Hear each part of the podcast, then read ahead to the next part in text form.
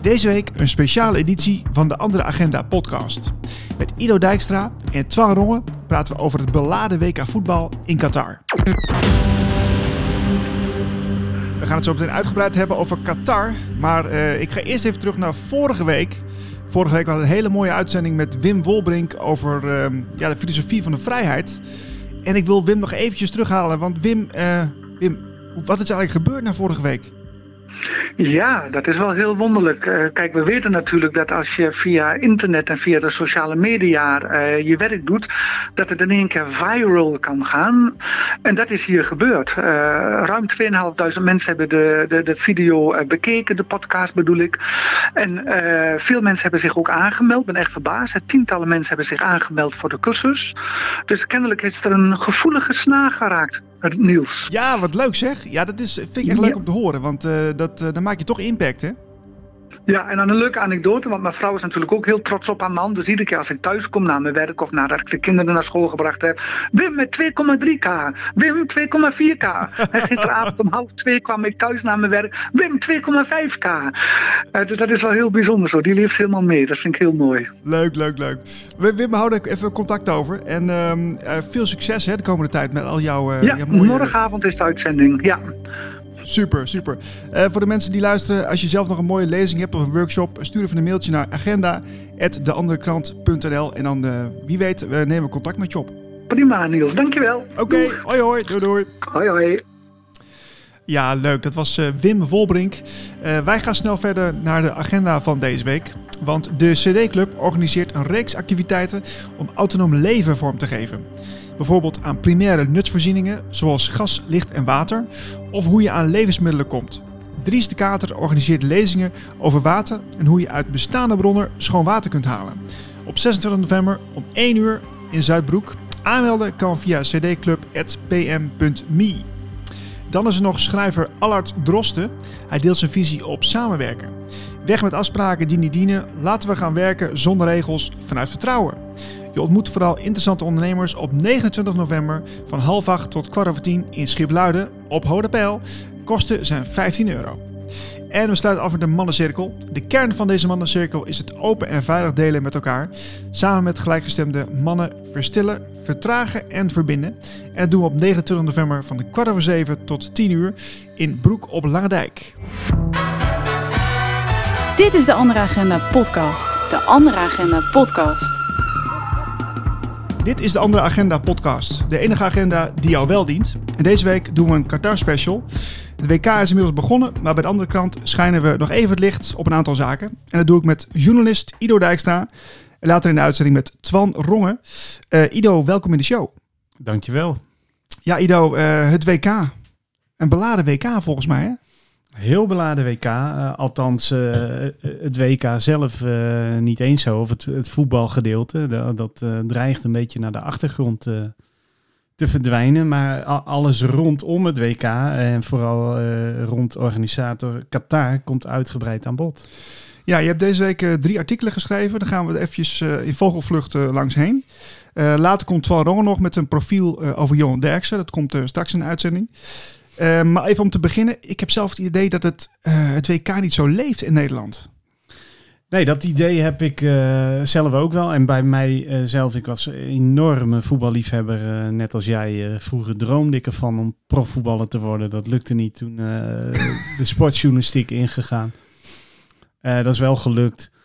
Maar op een gegeven moment kwam ik erachter dat dat de wereld wat anders in elkaar zit en dat het dat hele voetbal en alle entertainment uh, die we hebben niet het allerbelangrijkste is in de wereld. En, zo gaandeweg ben ik mijn interesse ook steeds meer verloren van, van alles volgen. Letterlijk, eh, als je vanaf 1994 of zo kon ik er al de, alle voetballers opnoemen, welke positie en welke doelpunten, welk uh, team enzovoort. Maar op een gegeven moment is dat volledig kwijtgeraakt bij mij. Wie zit er nou linksachter dan bij Feyenoord? Geen flauw idee. Ja, ik weet ook niet eigenlijk. Nee. Oslund, dat is wel heel lang geleden. Ja. Maar goed, oké. Ja, dus nou ja, er is heel veel over te zeggen. We gaan even een aantal uh, onderwerpen erbij pakken. Uh, ik wil eerst even beginnen met een fragmentje van uh, Voetbal Inside, het praatprogramma. Um, want Johan Derks had een hele duidelijke mening over het WK natuurlijk in Qatar. En we gaan even naar luisteren. Dat is naïef, want je mag geen politieke Mhm. uitingen op je shirt hebben. Dat, Ja. dat had ik ook al bedacht namelijk. Ja. Zet het aantal doden op je shirt, maar dat is verboden. En die regenboog aanvoerdersband, daar lachen ze ook om. Ik denk er totaal anders over.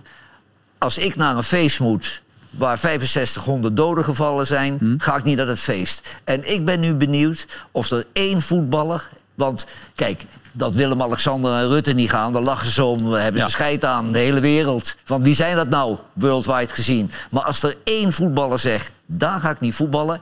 Dan schrikken ze zich te pleuren daar in dat, eh, in dat land. En ik heb goede hoop. Kijk, ik heb hier eh, die rel gehad met Aquasi. Oh ja, vorig jaar toch? Toen waren er twee Ja. spelers bij Liverpool. Die waren zo gepikeerd dat ze meteen bekend maakten... het Nederlands elftal spreekt niet meer met ons. Hmm. Nou ja, toen dacht ik van... ik zit hier al jaren. Er is nog nooit iemand hier aan tafel geweest die gezegd heeft... we moeten met een, iemand van het Nederlands elftal praten. Dus zo erg was dat niet. Maar nu is er echt iets aan de hand. Dus ik verwacht nu dat die heren nu wel op de barricade gaan, die twee. Ja, als je principieel bent, zeg jij, moet je het nu ook zijn. Daar komt Ja, nu heb je reden. Dat gelul, gelul over Aquasi, dat was een storm in een glas water. Maar nu heb je echt een serieus probleem. En dan ben ik benieuwd of ze nu nog zo principieel en geëngageerd zijn. Ik denk het niet, want er geldt alleen maar één, eh, één regel.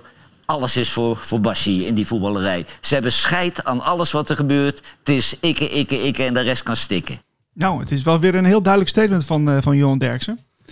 Lekker hypocriet, zeg ik. Ja, want, want ik, ik zit nou in de andere krant te lezen en dan, dan zie ik dat die 6.500 eh doden waarover gesproken wordt, dat, dat zit toch iets anders in elkaar, hè, die cijfers. Nou, dat ten eerste. Hè. Maar stel, het zou zo zitten. Hij zegt daar, eh, als ik eh, naar een feest moet eh, waar 6500 doden zijn gevallen, dan zou ik niet komen. Nou, wa- waarom gaat hij dan wel nu 30 dagen lang zitten praten over een feest waar 6500 doden zijn gevallen? Als je dan principieel bent, waar hij toe oproept, dan ga je daar niet over zitten praten en dan boycott je het. Dat ten eerste. Maar hè, die hele 6500 eh, doden, dat is een volledige eigen leven eh, gaan leiden. Het zou, eh, als je exact eh, eh, moet zijn, dan zijn het er 6751. Eh, maar het gaat om het aantal doden dat eh, onder de arbeidsimmigranten uit eh, Pakistan, Sri Lanka, ehm, Nepal, India, Bang, of, eh, Bangladesh. eh, hè, er zijn heel veel eh, arbeidsimmigranten in Qatar uit die Ja. landen. Ja.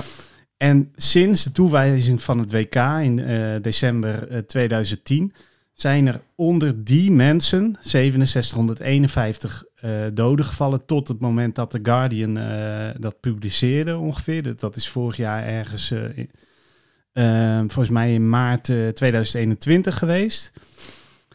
Maar die aantallen zijn niet gespecificeerd. Dus het gaat om in totaal 6751 doden. Maar of ze nou onder de auto zijn gekomen, ehm, of eh, natuurlijke dood hebben gehad, eh, neergeknuppeld zijn door, door hun vrouw, zichzelf op hebben gehangen, of inderdaad in de bouw omgekomen zijn, omdat daar inderdaad ook wel eh, soms extreme omstandigheden zijn. Oké, maar dat er is werd ook, niet er werd- ge- ge- gespecificeerd. nee, en er werd- ook geteld toch vanaf 2010, eh, dacht ik. Dus dat Ja. gaat over een lange tijdsbestek. gaat over veel langer tijdsbestek. Hè, de, eh, de, de- er wordt verondersteld dat er sinds toen, eh, sinds die toewijzing, eh, dat ze zijn gaan bouwen aan die acht stadions die daar moesten verrijzen, waar, waar we nu naar kijken als we de NOS inschakelen. Ja.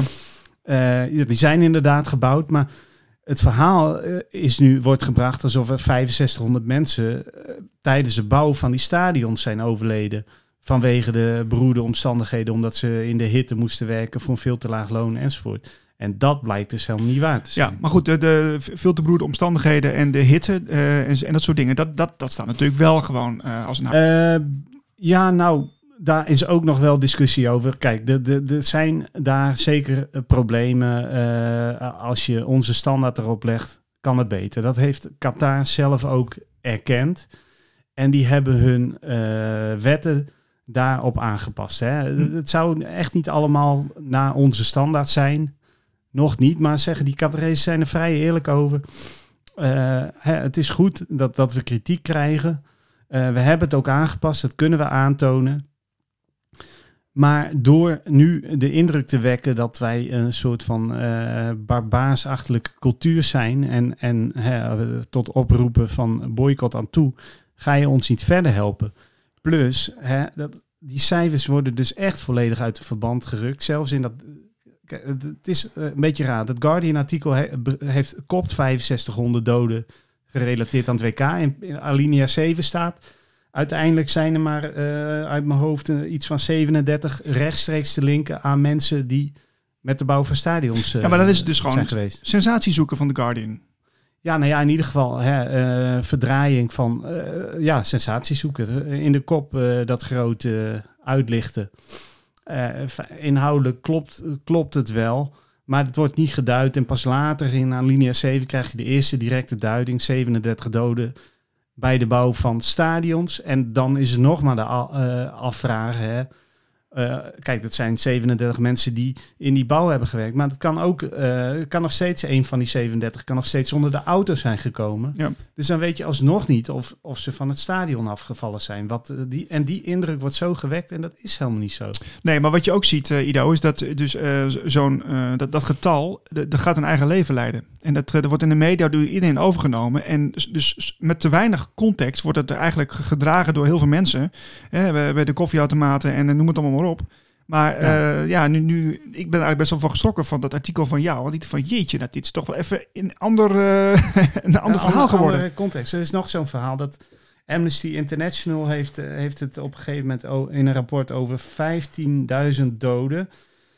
En eh, ook onder die eh, arbeidsimmigranten. Nou, dat is ook weer niet gekwantificeerd. Vervolgens is, zijn er Duitse supporters, eh, die hebben een spandoek daarvan eh, van gemaakt. En er staat zoiets op van, schaam je dood, 15.000 doden voor vijf, eh, 5760 minuten voetbal. Dat staat erop. Maar wat blijkt, eh, hè, het gaat gewoon over 100, eh, al 15.000 doden in die arbeidsimmigrantenpopulatie in de breedste zin van het woord. Ja. Maar dan moet je dus weten hoeveel eh, arbeidsimmigranten er in, in Qatar eigenlijk aan het werk zijn. Nou, dat zijn er eh, over de miljoen, want er wordt daar heel veel gebouwd. Ja. Eh, en die halen ze inderdaad uit, uit landen eh, waar het slechter is, Pakistan enzovoort. Maar dat doen wij toch ook met Polen? En, en eh, zo, zo zijn er wel meer voor, voorbeelden. Dus wij gaan al, altijd in een morele hoogpositie zitten... die we ons helemaal niet kunnen ver- veroorloven... als we kritisch op onszelf zijn. Net zoals Johan Derksen eh, steeds doet. Eh, maar naast eh, Johan Derksen zijn er volgens mij meer bekende Nederlanders en ook artiesten wereldwijd die, die oproepen om het WK te boycotten. En Tim Hofman, die is er één van, hè, Ido? Ja, Tim Hofman, dat is het geweten van Nederland zo ongeveer. En die roept op om, om het eh, WK maar te gaan boycotten. Dat is het enige echte statement dat je kan doen. En wat dat betreft hè, eh, ben- ik het ermee eens. eh, als je serieus genomen wil worden, net als de KNVB en eh, eh, de, de Nederlandse regering, dan moet je zeggen, daar kom ik helemaal niet. Dan maak je een echt statement. Anders eh, al, al de rest is flauwkul. Dus ook voor Johan Derksen. Hè. Je zegt 6500 doden, dat is niet mijn feest. Ga er dan ook niet over lullen. Mhm, ja.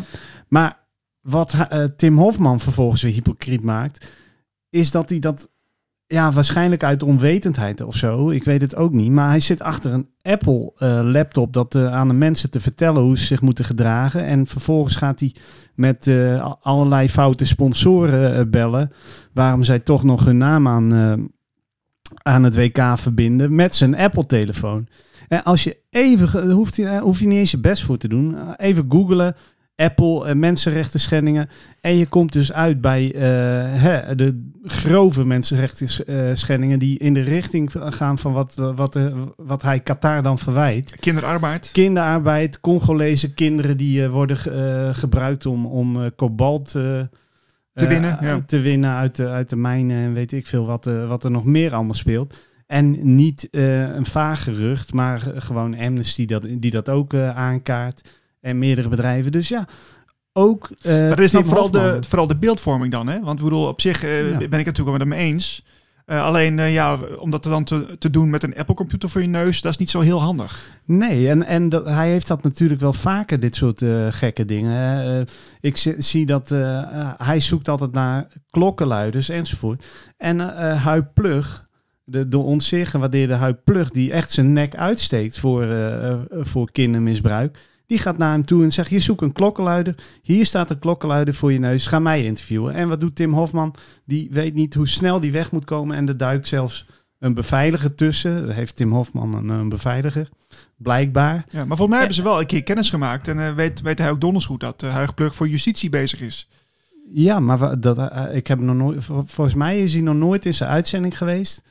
Ik heb hem nog nooit een statement erover horen maken. eh, dus dan denk ik, ja, in hoeverre ben jij hier eh, aan het framen, weet je?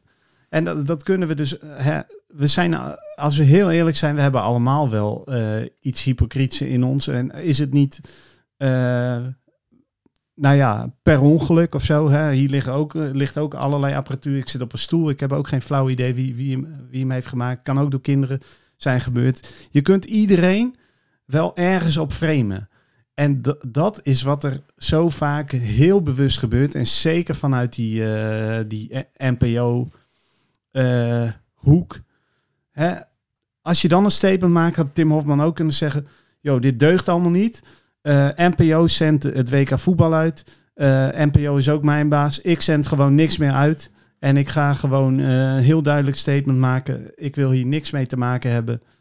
En eh, ja, dan, wa- dan was het over. Maar ja, Ja. Ook, ook Tim Hofman krijgt eh 1 1,5 ton eh, eh, op zijn rekening gestort. En is dus, is dus ook niet onafhankelijk. Ja, maar ja, het is de, de, die, die, ehm, die overtuigingen die wij hebben, hè, eh, ook, ook de mensbeelden die we aanhangen, eh, die, die, die, die komen allemaal onder zo'n vergrootglas te liggen. En zeker als die culturen dan eh, met elkaar samenkomen. Eh, hè, dit, dit keer hebben we het over de westerse cultuur met, met de Arabische cultuur. Eh, dan, dan lijkt het alsof, het, alsof, het- alsof nu het, eh, het contrast veel sterker is. Waardoor we dus nu um, veel meer op onze achterste poten gaan staan. En eh, heel erg vingertjeswijs doet. Is dat niet ook een beetje ja, de, de clash van deze tijd waar we in zitten, als het ware? Dan lijkt het, nou ja, het is natuurlijk wel van alle tijden hè, dat altijd wel tegen elkaar. Ja, maar de laatste jaren is het wel echt wel is- e- extreem geworden. Het is gigantisch gewoon. het lijkt wel heers en verdeel. Ja. Hè? En, we- en de- ja, volgens mij moeten we ons af gaan vragen wie heerst er. En dus wie verdeelt er. Hè? Want degene die, die dit spel spelen, die blijven redelijk buiten schot. Maar het, het is het ook sowieso een opmerkelijke keuze om, om naar, naar eh, Qatar te gaan, om, om zo'n eh, WK voetbal te organiseren, vind ik dan. Maar ehm, als je dan naar zo'n land gaat, moet je toch van bewust zijn dat, dat die mensen een heel ander eh, kijk op de wereld hebben. Dus dan zul je toch een klein beetje moeten aanpassen. Ten eerste, hè, als je te gast ergens bent, eh, dan wacht je op het seintje van de gastheer eh, tot het eten wordt opgediend. Vervolgens, eh, in principe, eet je wat de pot schaft. Nou heeft Qatar ook nog heel erg met ons meegedacht. Bijvoorbeeld ook als je kijkt naar die LHBT-discussie. Eigenlijk staat in hun wet gewoon dat het verboden is. En het enige wa- wa- wat, ze- eh, of wat zij hebben gedaan is eigenlijk zeggen van... joh, jullie mogen heel ver... eh, je mag je regenboogvlag pakken. eh, je mag homo zijn. Je mag zelfs op een hotelkamer met, eh, met je... nou ja, of homoseksuele geliefde... op die kamer zijn, terwijl dat normaal gesproken hè, zwaar verboden is en straffen opstaan Zijn ze staan heel ze coulant dus toe. eigenlijk. Zijn super coulant. Hè, wat wij, ongeacht wat wij ervan vinden, en wij hebben hele andere denkbeelden. Ze hebben heel erg meegedacht. En dat verhaal komt ook nauwelijks naar voren eh, in de media. En wat doen wij? We framen ze alleen maar als een stel achterlijke eh, idioten in een jurk. eh, die nog allerlei ouderwetse ideeën hebben. Maar zo ga je de wereld niet veranderen door, door op zo'n manier je eigen, onze zogenaamd eh, hoge westerse waarden op te leggen. Ja, ik zag eh, gisteren ook eh, weer een uitzending met Wilfred Gené en Johan Derksen, waarin Wilfred Gené in een soort ja, jurk stond natuurlijk. hè Zo'n zo'n zo'n, chic, of zo'n eh, jurk moet ik dan zeggen. Of ja, ik weet even niet de naam ervoor. Weet jij dat vallen? Eh, nee, ik weet niet hoe, hoe dat Zal uh, een naam hebben? heet. Nee, nee, oké. Maar goed, dat, dit, dat komt een beetje clownesk over, weet je wel. Dat je, om, om, Ja. om toch een beetje de sfeer neer te zetten van, nou, moet je eens kijken wat ik nou weer aan heb. En dan wordt om gelachen. Tuurlijk, maar, stel, hè, eh, Qatar, Qatarese VI gaat een uitzending maken en die zetten een, een, nou ja, Johan Dex is nu afgetra- of afgetraind, maar een paffende, dikke man er neer en van de gijp en dan eh, maken een parodie van hè, Van de Grijp. Die schijnt eh, eh, heel vaak in zijn hot tubje naakt te zitten. Een beetje met zijn harde plassen te spelen. Hè, stel, ze maken zo'n een parodie op ons, weet je. Dan, en wij zien dat, dan verklaren we ze ook voor gek. Ja. Dus ja, oké, soms moet je er ook weer een beetje om, om kunnen lachen misschien. Maar het wordt wel allemaal neergezet van heel onvriendelijk. En als je goed gaat zoeken hè, op, op Twitter bijvoorbeeld. Ik kwam bijvoorbeeld een heel leuk filmpje tegen... wat je dan eigenlijk niet in onze media ziet... van een politieagent uit eh, Qatar... die een eh, Ecuadoriaanse, eh, ik hoop dat ik het goed zeg, fan... leert hoe die dan zo'n... ja, zo'n hoedje moet maken wat die Qatarees op hebben. Dus Ja. een, een doek en Mhm. dan zo'n ringetje. En, en die Ecuadoriaan die vraagt aan hem van, eh, ja, hoe moet dat eigenlijk? En die politieagent super aardig en die, die, die legt het uit en die eh, krijgt nog een knuffel. En dan, als je dat ziet, dan denk je, wat een geweldige... Maar waarom zouden we niet gewoon, een keer, eh, gewoon die, die, die weken dat we daar zijn, hè, gewoon een keer dat kunnen omarmen en gewoon kunnen zeggen van oké, we gaan even met jullie mee. Want dit, is, dit zijn jullie gebruiken, dit zijn jullie normen en waarden. Waarom zouden we dat niet gewoon even kunnen respecteren? Ja, eh, ga openstaan voor elkaar. Hè? Als je dan zegt tolerant te zijn, hè, eh, doe dan zelf eh, ook even een stap die richting op. Maar ah, zoals ik het nu heb gezien, zijn die Qatarezen eh, een stuk toleranter dan ons hier in het Westen. Ik las ook nog een ander stuk, Ido, vanmorgen op de NOS. Het ging over de KNVB. Want Nederland en zes andere landen zien af van het dragen van One Love aanvoerdersband. Hè, dat zijn die bandjes eh, die ze dan als statement eh, aandoen. Ehm, is dat een verstandige keuze om daar vanaf te zien? Ik denk het wel. Eh, kijk, je moet gewoon politiek en voetbal en sport niet gaan mengen. En je, mag dus ook geen Palestijnse armband hebben. Je mag ook geen. Nou ja, er zijn, de, eh, het moet aan allerlei eisen voldoen. Dus ga dan nu ook gewoon zeggen van. Die aanvoerdersband is er omdat de scheidsrechter moet herkennen wie de aanvoerder is. Zodat er, als er een akkefietje is, dan loopt hij daarheen. En dat is de spreek, eh, spreekbuis tot eh, de scheidsrechter. Dus hou het daarbij. En doe dat gewoon. eh desnoods zegt de FIFA, we doen gewoon een neutrale band. Die voor alle landen precies hetzelfde is. Ook al vloekt het met je, met je tenue of zo. We doen gewoon die band klaar. Ja. Hè, opgelost. Niet politiek en, en eh, voetbal gaan mengen. Want nou ja, het is maar welk frame je erop plakt. Ja, en daarnaast, volgens mij zijn die statements niet eens per se nodig in die zin. Als je kijkt wat er met die, eh, die, die toegangsbewijzen gebeurt. Hè. Als, je, als je binnen wil komen daar, moet je een app hebben. Ik weet niet of je het gelezen hebt. Maar dat is een app die dus allerlei eh, gegevens van jou binnenhaalt. eh, als jij dus dat stadion niet wil.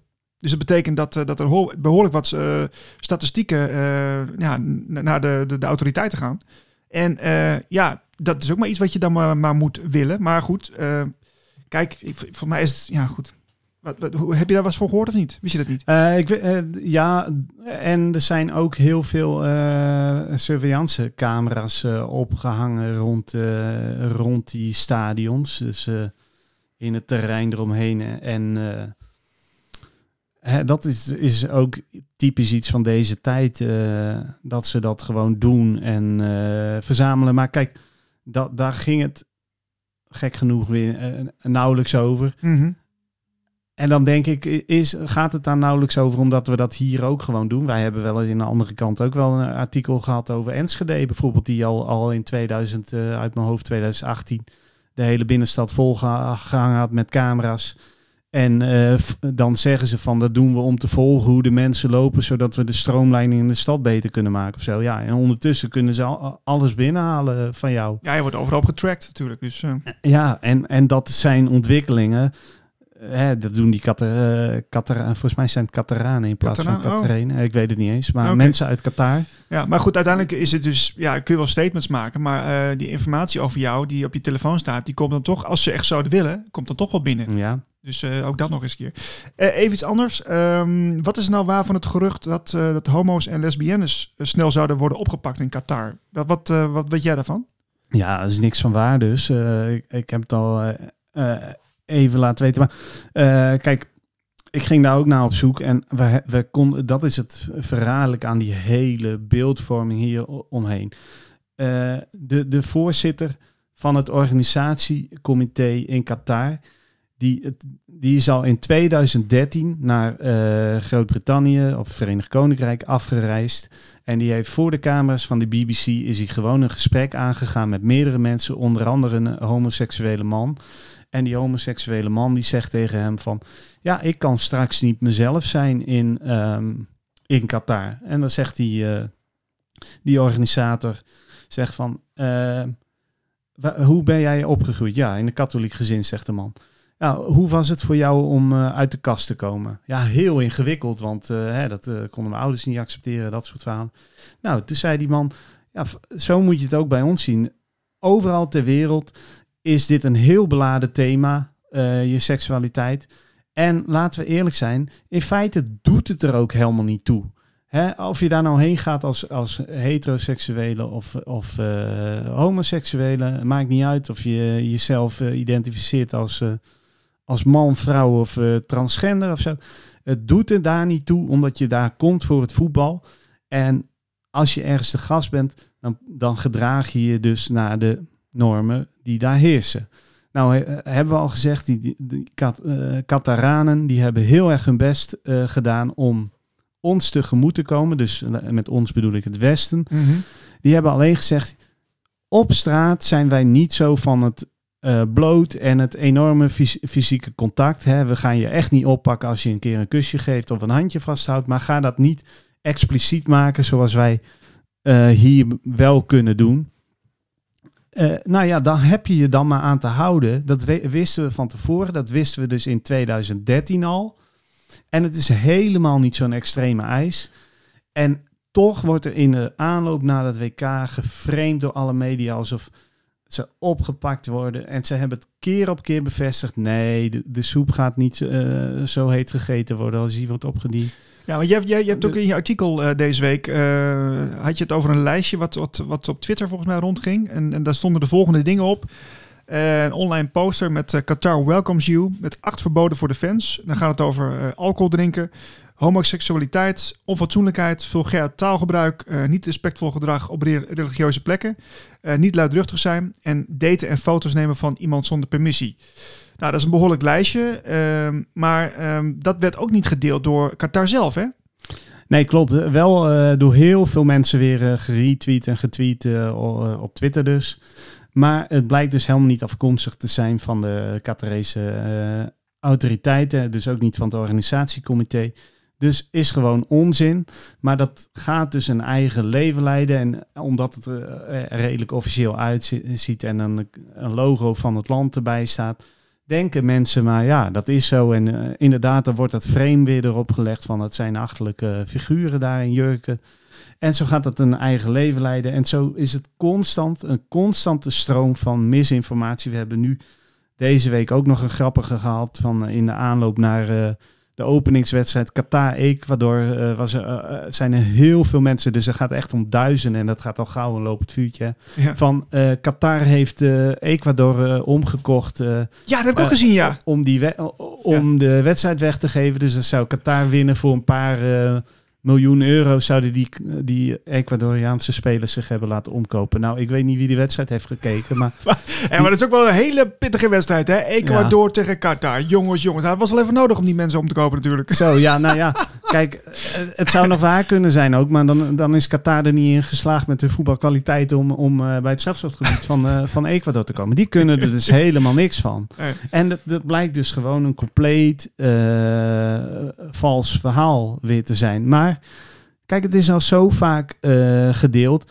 En de schade is alweer gedaan aan, aan, aan het eh, Qatar. En ik vind dat die mensen, hè, eh, tuurlijk, wij hebben een andere visie op de wereld. En er zijn een hoop dingen mis. Maar ik vind dat, dat ze zich daar behoorlijk eh, goed gedragen. Want het enige wat wij zien in, in onze media, of het enige, veel in ieder geval, ik zie ook als ik de NOS inscha, elke vraag is gericht op, oh, is er nog wat raars gebeurd? Kon je je camera-statief wel zo op, eh, op straat zetten bij de NOS? Dat soort vragen, hè? Het Maar gaat, de- wat- wat- gaat de vaak vraag- niet over voetbal. Nee, maar de vraag die mij dan eh, te binnen schiet is van... eh, wie heeft daar nou voordeel bij, bij, die, bij die framing?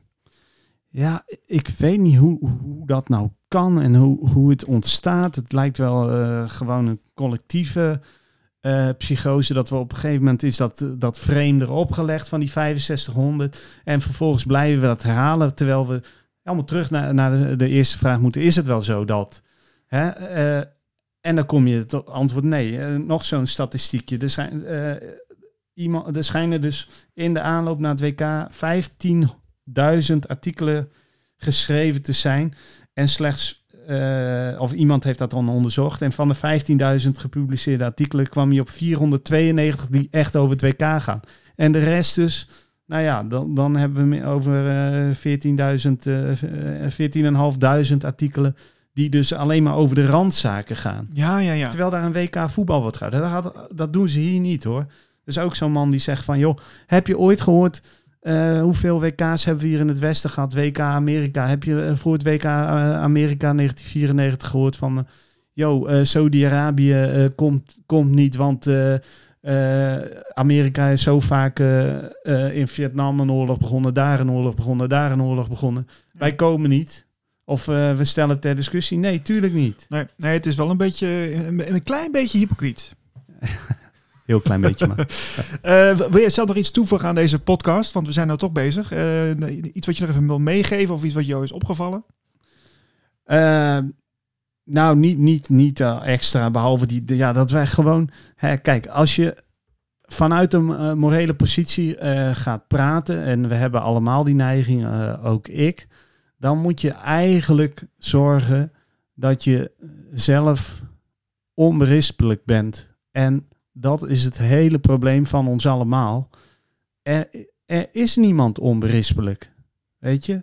Eh, ik kan het hier eh, gaan zeggen van ga niet eh, het WK kijken, maar er valt over mij ook wel weer wat te vinden.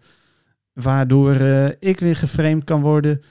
En dus zeg ik, joh, laten we gewoon beginnen met allemaal gewoon die kritiek die we bij, bij een ander neerleggen. Hè, door wat Tim Hofman doet, eh, bij een ander neerleggen. eh, dat, we, eh, dat je niet moet gaan kijken. Laten we gewoon naar zichzelf kijken. Wat doe ik nou allemaal? Hè, we hebben dat ook gehad bij hem dan rond dat MeToo-verhaal. Het bleek later dat hij zelf ook niet helemaal Schoon was. schoon Ja. was. En zo is het met ons allemaal. Laten we gewoon het eerst even bij onszelf gaan zoeken.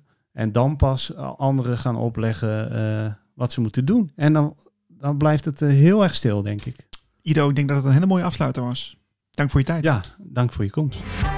De Andere Agenda podcast voor het nieuwe samenleven. Het nieuwe samenleven. Ik ga verder met journalist Twan Rongen over zijn profiel van eh, voetbalanalist Johan Derksen. Eh Twan, welkom in de uitzending. Hallo, hallo, hallo. Welkom, eh, uit, welkom, eh, welkom even van Leeuwarden naar Zevenbergen. Het kan en allemaal. hier heeft ooit, eh, Ido er heeft ooit een keeper gespeeld. Een hele kleine man. Die kwam van, PS, die kwam van PSV. Die kwam van PSV. En die heeft jarenlang eh, bij Cambuur eh gekiept. Ja. Een kleine, een kleine, een klein. Ja. En die, die, die komt hier uit de buurt. Die komt uit Steenbergen. En die had een vriendin uit Zevenbergen. En daar zit ik nou. nee, maar om even. Ongelooflijk zeg. even applaus mensen. Ja, dat is fantastisch. Ja, ja, we, gaan, we gaan even naar de andere kant, want we zitten in de andere Oh. agenda podcast. Eh, mocht je dat nog niet weten. Eh jij hebt ook een, een prachtig eh, profielstuk geschreven over Johan Derksen. En je hebt ook jarenlang gewerkt voor Johan met, bij Voetbal International, Oh. bij, bij het Weekblad. Ehm, maar in, jouw, in jouw profiel ga je er even wat dieper op in. Want ik, eh, ik vond het wel interessant om eventjes te- dat toe- to- toch eh, toe te lichten van jou. Eh, want eh, jij vertelde dus dat je in de jaren negentig heel veel interviews eh, aanleverde bij hem. Maar eh, het respect kreeg toch een beetje een deukje hè, tijdens de coronacrisis.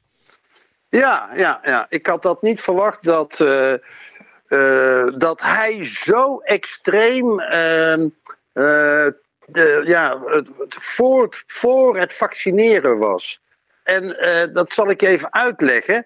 Eh, ik heb er overigens drie jaar bij eh, als freelancer voor Voetbal International gewerkt. Ik, ik schreef elke week een, een mooie een monoloog, interview van een, van een voetballer. Dat, om jou even een beetje, gewoon zijn mensen. Mijn eerste interview was met Oscar Moens, die was toen keeper van. Van AZ, eh, van AZ Alkmaar. En de laatste speler die ik interviewde, dat was. eh, God, eh, Ja, dat weet ik even niet meer. Dat was ja, Jan Visser van, Heer, van Heerenveen. Ah, nou, oké. Ja, dus, dus in die periode. Nou goed, dus ik, had een, ik was freelancer. Ik, had, was dus, nou, ik was dus niet een. Ja, ik was geen vaste verslaggever. Ik zat niet elke dag bij hem op het kantoor. Maar ik kwam dus bij Johan. En Johan, ja, dat was voor mij al een bekendheid. Hè? Johan Derksen. Dat was, eh, die stond toen bekend als de woordvoerder van Johan Cruijff. Nou ja, goed. eh, In ieder geval, eh, ik, ik, ik, ik, belde, ik, had, ik, ik belde hem gewoon een keer heel brutaal op, Voetbal Int- eh, International. En ik zei, mag ik voor jou eh, interviews doen? En hij zei, nou, stuur maar wat op. Dan kijk ik wel even. En ik stuurde allemaal artikelen op die ik geschreven had. En toen belde de grote Johan Derksen eh, via zijn secretaresse. Liet hij mij weten dat ik, een, dat ik bij hem op bezoek kon komen in Gouda. eh, op de redactie van Voetbal International. Nou, daar vond ik, ik, ik had heus al wat meegemaakt. Ik, was, ik was niet op mijn mondje gevallen. Ik was ook al in, in Hollywood. eh, nou, noem maar op. eh. maar ik vond het toch wel een eer om daar bij Johan Derksen te komen. En Ja, wat voor het doet spannend, hij? het Twan? Voor het spannend? Ja, ja, ja, ik vond het ongelooflijk spannend. Want eh, ik kom daar en ehm, in dat kantoor. En, en dan zie ik een man. Ik denk, nou. En de man was uitermate breekbaar. Eh, hij was een beetje emotioneel. Ik weet niet wat er. Er was iets. Hij zat gewoon niet goed in zijn vel. En dat had allemaal te maken met het simpele feit. dat hij onwijs dik was. Het was gewoon een hamburger junk. Een fast food eh gozer. Het zag er echt slecht uit. Hmm. En, eh, en ik was, eh, op dat moment was ik aan, het voorbereiden op het, op het lopen van een marathon in New York. En ik als voorbereiding, wat deed ik? Ik stond altijd om zes uur 's ochtends op. En dan deed ik met een, met een kinder, met een van mijn kinderen die had zo- zo'n buggy. En dan bracht ik hardlopend, ja, dat is, dat is, daar heb ik zelfs, eh, goed, heb ik, de, heb ik hardlopend bij ons in het dorp, heb ik de krant bezorgd. En dat, en, dat, en, en, dat deed ik omdat ik dan, als je de krant bezorgt, dan moet je gewoon opstaan. Dan ben je verplicht om te gaan. En dat, vond, dat vertelde ik aan Johan. En hij zei, want hij zat heel de tijd, en waarom vertelde ik dat? Want hij zat me aan te kijken en hij zei, godverdomme, maar jij bent wel goed afgetraind zeg. Ik zeg, ja, zeker, zeker, ik ben heel goed afgetraind. Want ja, ik ga voor de marathon en ik doe elke dag de krant bezorgen. Wat, wat, wat, wat, wat doet hij? Nou, ik zei, dan begon het allemaal te vertellen. En hij zegt, heb jij zin om met mij naar huis te gaan? Want ik heb, ik, eh, eh, dus toen ben ik met hem naar, dat was de eerste. En dat was zo'n lieve man. Nee, maar echt, eh, ik had ook een beetje het idee dat aan de ene kant, hij vond mij gewoon heel interessant. Omdat ik deed wat ik deed, dat hardlopen en zo. Dat was die, en en wat, ge- wat gebeurt er nou? Ik heb dus drie jaar lang ben ik dus eh, regelmatig bij hem op kantoor. Dat hij dat op een gegeven moment van mij, nou zo ervaar ik dat, heeft overgenomen. Zo, dat ja, dat zal wel zeker, ja, tuurlijk. Ja, en dat- dat, hij, dat hij dus, nee, maar hij was, hij ging niet de krant, maar hij was wel om zes. Hij ging wel hardlopen en fietsen en altijd voor zes uur voor het opkomst van de zon. Daar had ik een hele energetische toestand bij. Van als je, opkomt, als je dan opkomt, net een kwartiertje voor de zon en je gaat naar buiten, dan krijg je die, die, die, die opbouwende, die, die, die beginnende energie van de dag. En dat is echt ongelooflijk goed voor je systemen, voor je. eh, nou ja, goed. En, en, en dat deed hij dus ook. Ja, het is heel mooi. Leuk, leuk. Maar eventjes terug naar het WK, want daar zijn we eigenlijk een beetje over in gesprek. Eh, ja, je- toch ehm, riep eh, Johan Derksen op om het WK te boycotten. Hè? Hij was er heel kritisch over. Maar hij zit wel gewoon elke dag bij SBS commentaar te geven. Eh, Ja. hoe, hoe komt zo'n man ermee weg volgens jou? Kijk, dat, eh, dat is heel simpel te verklaren. Dat, heb ik, eh, dat het kwam niet zo goed. maar goed, het, nou ja, nee, dat, de man, Johan Derksen, is opgegroeid in een wereld. Ja, ik heb, het, ik heb nog even een paar aantekens. Zal ik dat even oplezen? De voormalige voetbalprof Johan Derksen groeide op in een wereld waarin je bijna letterlijk alles kan maken. als je maar levert. Als je maar scoort. Kijk, Johan die is die is opgegroeid in een, in een keihard christelijk milieu waar hij met zijn vader enorm veel ruzie heeft gehad. En, en daar heeft hij een trauma van opgelopen. Ja, dat is, hij heeft een aantal trauma's opgelopen, die man. En eh, daar heeft hij ook in zijn biografie heeft hij het met name gehad over zijn vader. Die gewoon fysiek, die was een politiecommissaris. Die was zwaar christelijk, daar is niks mis mee. Maar, je hebt, maar hij, hij mocht dus helemaal niks. Ah, en eh, hij was ook super agressief, die vader. En ik heb het daar wel eens met hem over gehad. En soms ha- eh, had hij dan. En dat heeft hij nog wel eens. Dan gaat er een soort Pandora-doosje open in zijn ziel. En dan komt er eigenlijk ja, zijn grootste kwelgeest, zijn vader, die komt dan naar buiten. En eh, ja, die heeft, eh, het was, die hebben, daar heeft hij zoveel ruzie mee gehad.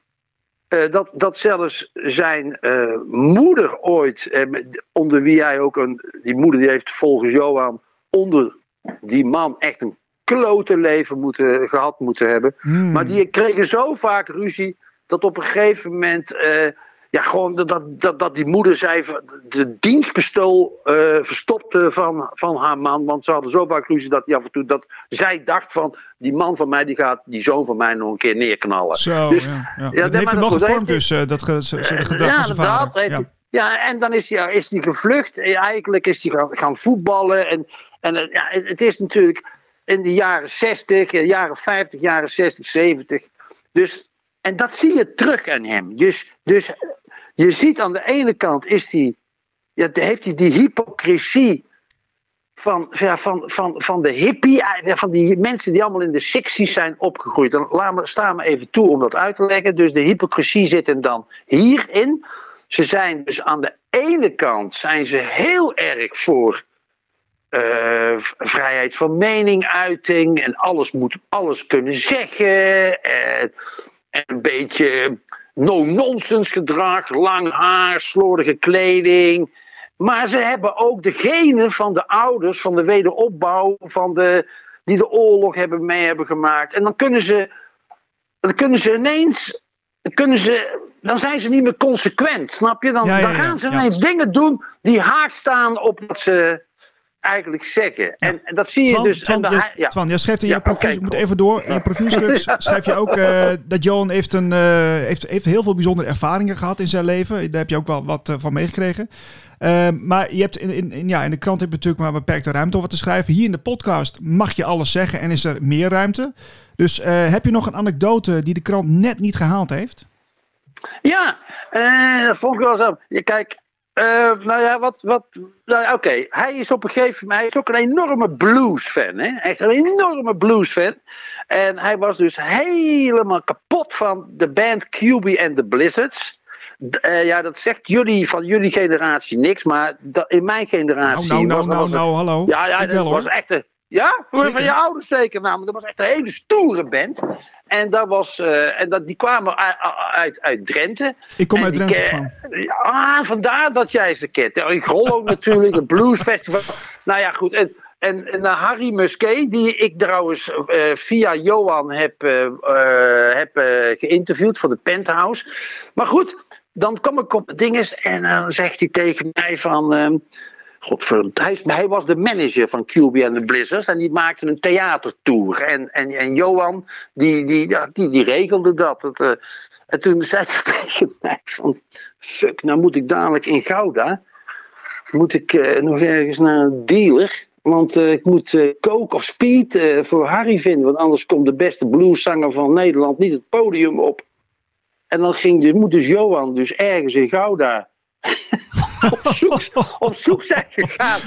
Op zoek, op zoek zijn gegaan naar speed. En, en, en- en toen zei ik, Johan, hij zei, ja, godverdomme, waar ben ik toch aan begonnen, man. Weet je wat? Dus hij zat daar. Dus, kijk, Johan is, ah, dus ja, had hij weer moeite mee natuurlijk. Maar goed, en nog meer anekdotes die ik, ja, ik heb hem ook wel eens een paar keer echt kwaad gezien. Kijk, eh, wat er mij opvalt, eh, nu met die, met die, eh, met die Van Nieuwkerk discussie. Hè, dat, dan, ik, ik, ik heb dat even gisteren bekeken, dat programma wat hij nu hadden ze het ook, ook, over, over Matthijs van Nieuwkerk. En hij nam het dan een beetje voor hem op. Hè? Ja, ja. In de zin van, ja, je, kijk, journalistiek is, dat merken we bij de andere krant natuurlijk ook, en, en, en gewoon ook bij die, bij die, bij die tv-programma's. En, en dat is natuurlijk monnikenwerk. Hè? Het, moet, het gaat allemaal om precisie. En, en Johan is ook echt een, een, een, een, een dat, die heeft een echt dwangneuroses. wat betreft perfectie. Hè? Die, dat, dat moet er echt allemaal perfect uitzien. Hè? Dus, eh, en dat moet ook aan, aan alle standaardregels voldoen van de goede journalistiek. Dus een goede inleiding. Maar goed, alles is bij hem heel strak gest- gestructureerd.